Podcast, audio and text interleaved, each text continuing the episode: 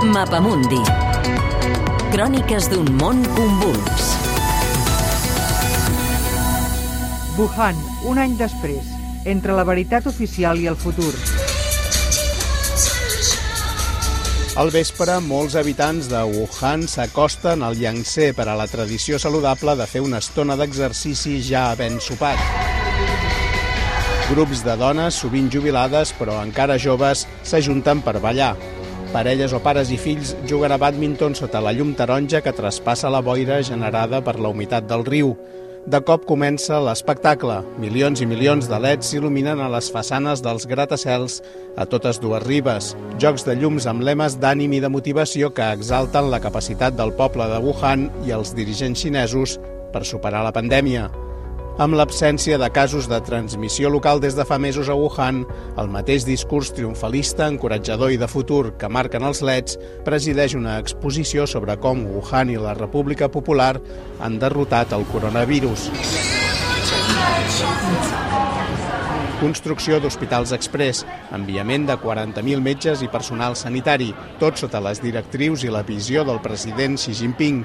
En aquest relat oficial hi manquen, per exemple, les referències a Huanan, el mercat de marisc i animals vius on se situa l'esclat del brot epidèmic. Una fotografia de Li Wenliang forma part del panell que recorda els metges morts per Covid. Cap referència a acabar alertar del brot quan els funcionaris locals l'estaven amagant. Els funcionaris van assegurar que estava tot sota control i els especialistes deien que no seria contagiós entre humans, i especialment quan va parlar Li Wenliang o van acusar de mentider. Qui parla és Zhang Hai, un dels pocs familiars de víctimes del coronavirus que han decidit portar les autoritats locals als tribunals. Yang Jianqing coordina des de l'estranger l'assessorament legal a les famílies, tot i que la majoria han desistit a canvi de diners o sota amenaça. Estan reclamant davant dels tribunals per mètodes legals. Fins i tot triant aquesta via legal són amenaçats per la policia. Crec que s'han adonat de la diferència entre la realitat i l'anomenada societat regida per l'imperi de la llei. Un país que es regeix per l'imperi de la llei, eslògan predilecte de Xi Jinping.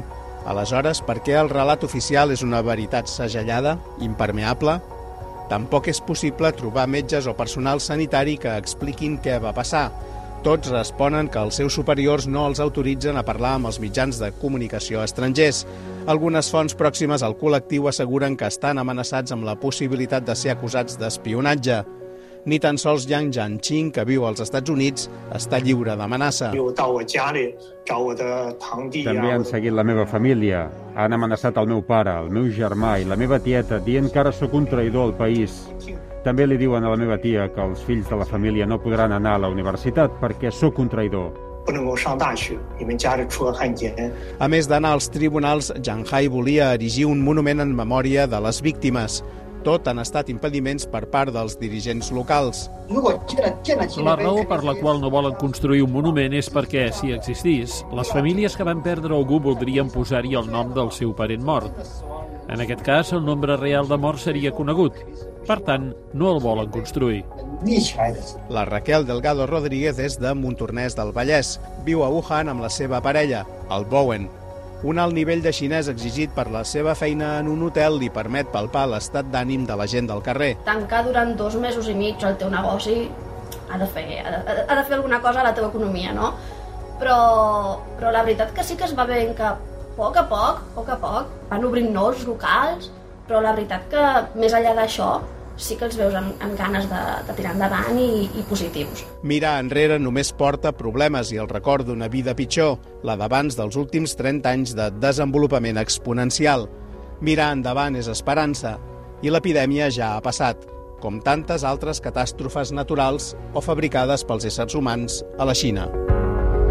És un reportatge de Francesc Canals amb muntatge de Jordi Galbany, disponible al podcast del Mapamundi.